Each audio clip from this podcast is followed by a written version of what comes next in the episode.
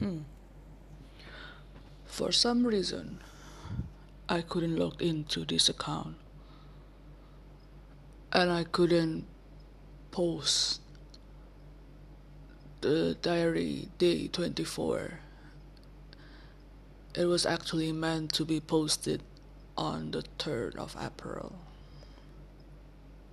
Fucking weird. Anyway, yeah. More or less, it's still the same. The same as in the work, this life, people around me. Fuck them all.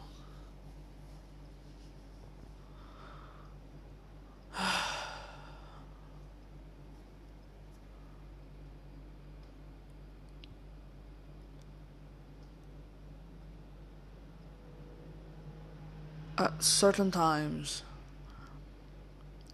I feel like it's hard to be alone.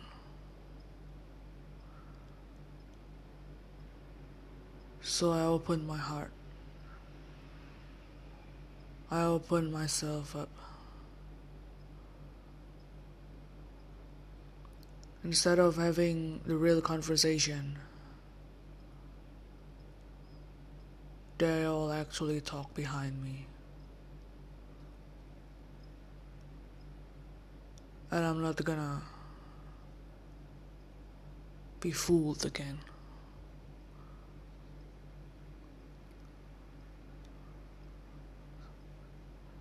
I'm closing everything.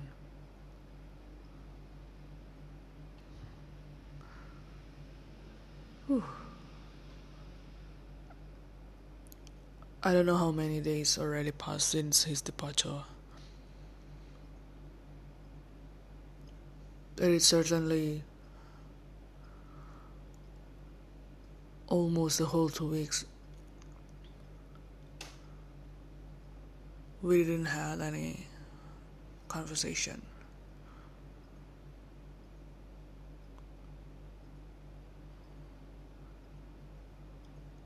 I don't know if we are actually waiting for each other or not.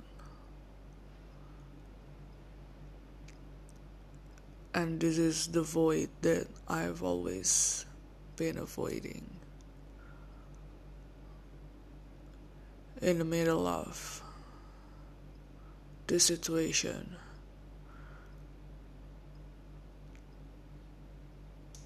Between whether I need to wait or to move on.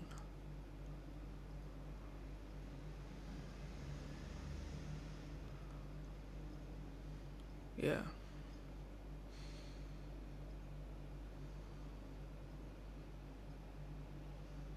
I'm longing for a hug.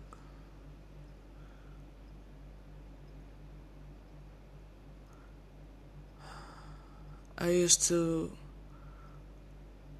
clearly and loudly state that I need his hug. But now I'm doubting it. Whether it's an improvement or anything else, I don't know anymore.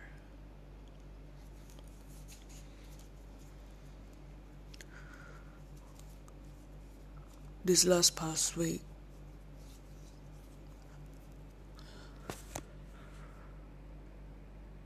it's almost been rough. My red baby is lost. Hawk's lost. Math's lost. And we, yeah, and I got people teasing me like all of the time. Where, while in fact, I'm not even longer used to show the die-hard fan in me to public, but still, all these fuckers.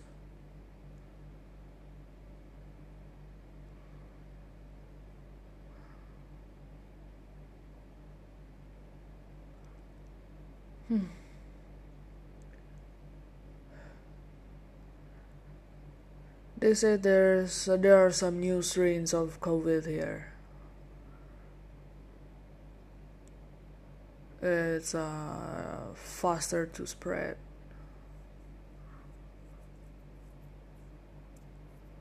I would be lying if I don't think about how about if I'm the next one.